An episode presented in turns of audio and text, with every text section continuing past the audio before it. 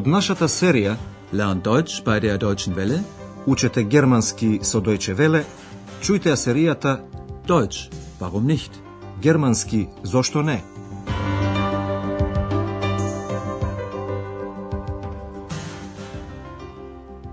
Liebe Hörerinnen und Hörer.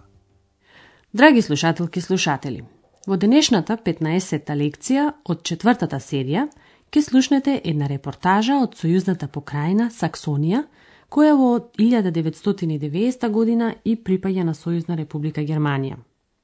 Голема улога во историјата на Саксонија играле музиката, трговијата и индустриализацијата поврзана со неа.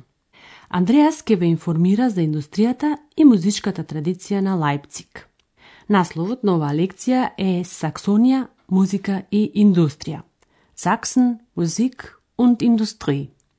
Саксонија е она покрајна од источна Германија која се наоѓа на југот и во која има многу индустрија.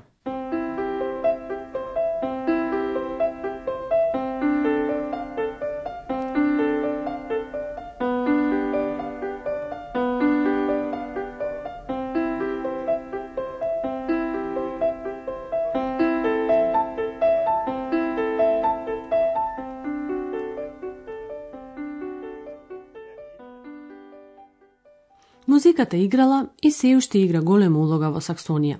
Тука се родени Рихард Вагнер, Клара и Роберт Шуман, а оде живеел и Мендесол Бартолди и Јохан Себастијан Бах.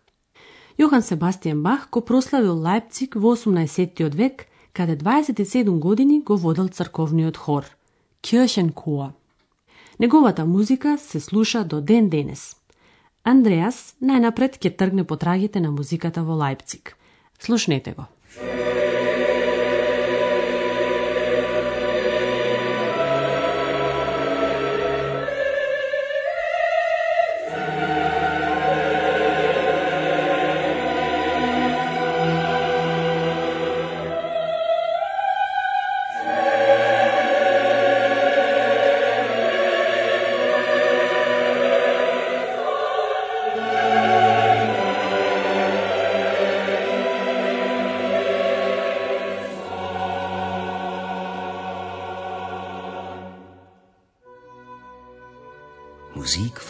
Johann Sebastian Bach. Johann Sebastian Bach war ein großer Musiker. Ich bin heute in der Thomaskirche in Leipzig. Hier leitete Johann Sebastian Bach den Kirchenchor von 1723 bis zu seinem Tod. 27 Jahre. Und auch heute noch erinnert hier vieles an Johann Sebastian Bach. In der Thomaskirche kann man jede Woche Musik von ihm hören. Und man kann sein Grab ansehen oder draußen vor der Kirche ein großes Johann Sebastian Bach Denkmal.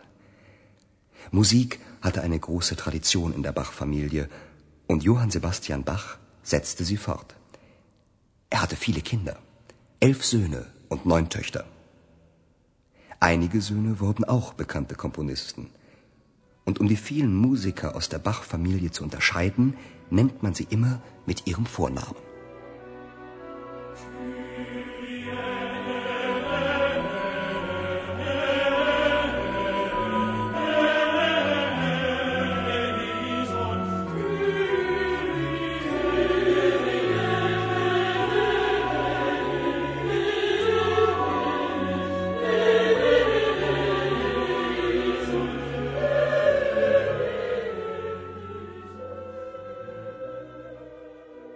Андреас се наоѓа во Лајпциг во црквата Свети Томас, изградена во 1496 година.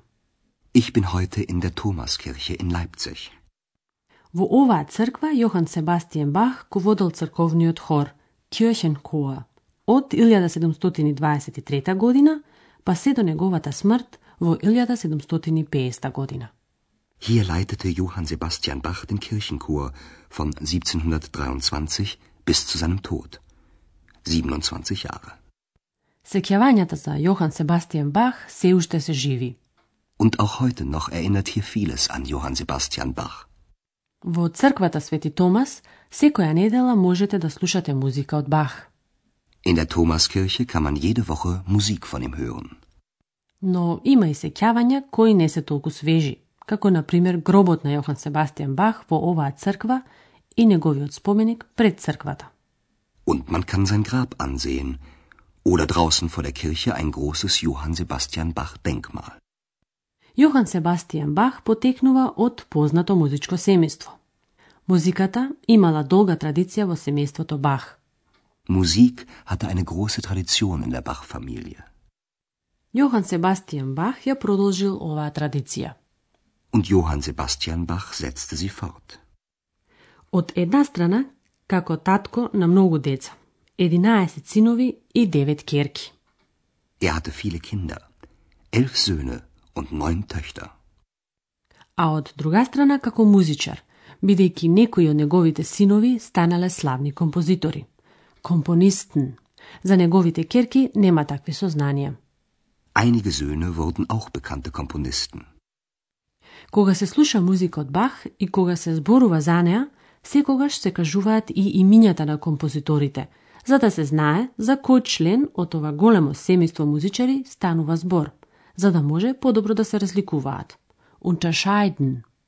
Und um die vielen Musiker aus der Bach-Familie zu unterscheiden, nennt man sie immer mit ihrem Vornamen. Хорот на Бах се уште постои. Некои од неговите членови, кои го стекнале своето образование за да пеат во Лајпцишкиот Бахов хор, денес чекорат по собствениот пат. Како, на пример, музичката група Ди Принцен, која по обединувањето на Германија постигна голем успех пејќи забавни песни. Слушнете сега една нивна песна, додека Андреас патува кон индустриската метропола Кемниц. Ich wär mit dir so gerne abgehauen. Nur wir beide ganz allein. Doch das war leider nur schöner Traum. Denn wenn du ja sagst, sag ich nein. Андреас сега се наоѓа во Кемниц, индустријска метропола на Саксонија. Тука се произведуваат сите можни машини, машинен, а исто така овде е сместена огромна хемиска индустрија, хеми индустрии, и затоа воздухот е многу загаден. Ich bin in Chemnitz, der Industriemetropole von Sachsen. Hier werden Maschinen gebaut. Alle möglichen Maschinen. Für die Landwirtschaft, Lokomotiven und Waggons für die Eisenbahn. Sogar Fahrräder werden gebaut. Auch Chemieindustrie gibt es hier. Das sind wichtige Arbeitsplätze. Aber die Luft ist schlecht. Man riecht die Industrieabgase.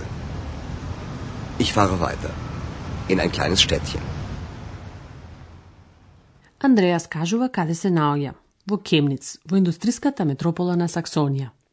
Ich bin in Chemnitz, der Industriemetropole von Sachsen. Во Кемниц се произведуваат машини, сите можни видови машини. Hier werden Maschinen gebaut. Alle möglichen Maschinen. Андреас набројува неколку од нив. За земјоделство, локомотиви и вагони за железницата. Für die Landwirtschaft, Lokomotiven und Waggons für die Eisenbahn. Овде дури се произведуваат и велосипеди. Sogar Fahrräder werden gebaut. Во Кемниц е застапена и хемиската индустрија која обезбедува работни места. Auch Chemieindustrie gibt es hier. Das sind wichtige Arbeitsplätze. Онаму каде што има многу индустрија, воздухот е загаден. Воздухот е загаден, се чувствува мирисот на издувните гасови од индустријата. Aber die Luft ist schlecht. Man riecht die Industrieabgase. Андреас продолжува понатаму кон едно мало градче. Ich fahre weiter in ein kleines Städtchen. Индустриската покрајна Саксонија била богата уште во средниот век. Од 12 век започнала експлоатацијата на позначајните суровини како на пример сребро, цинк, железо, па дури и опасниот уран и трае се до денес.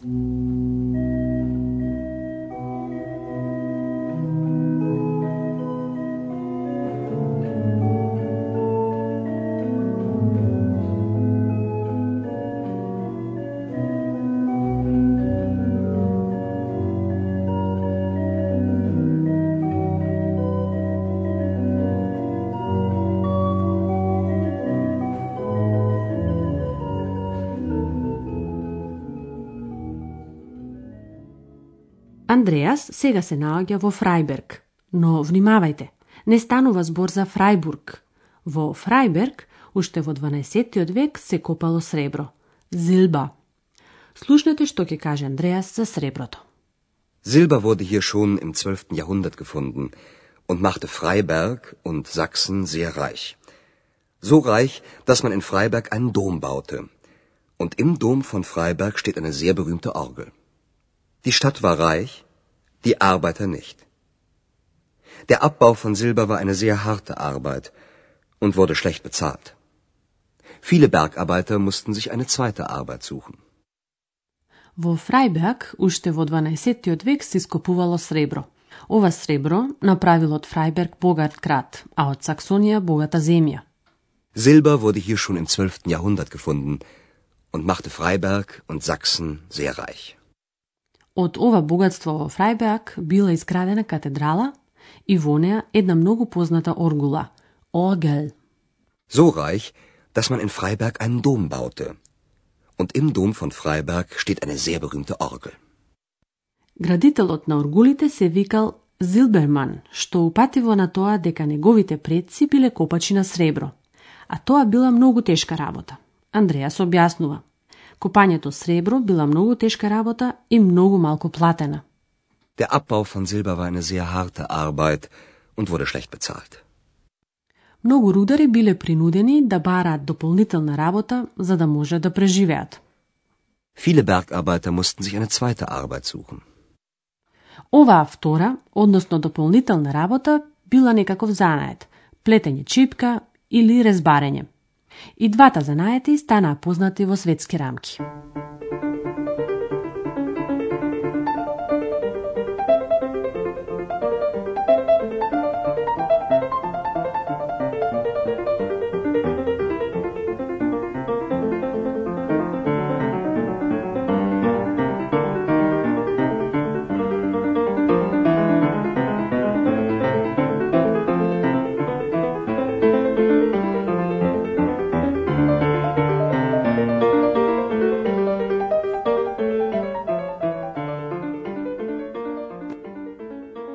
Könnte Ihnen noch viel von Sachsen erzählen, aber leider ist unsere Zeit zu Ende. За Саксонија ќе слушнете уште многу повеќе, но ова е се за денес. Во следната емисија Андреас, Екс и доктор Тујаман ќе се сретнат во Лајпциг и ќе зборуваат за проблемите на животната средина. До слушање до следната емисија. Тоа беше германски Зошто не? Радиоговорен курс на Херат Мезе во продукција на Дојче Веле и на Гетовиот институт од Минхен.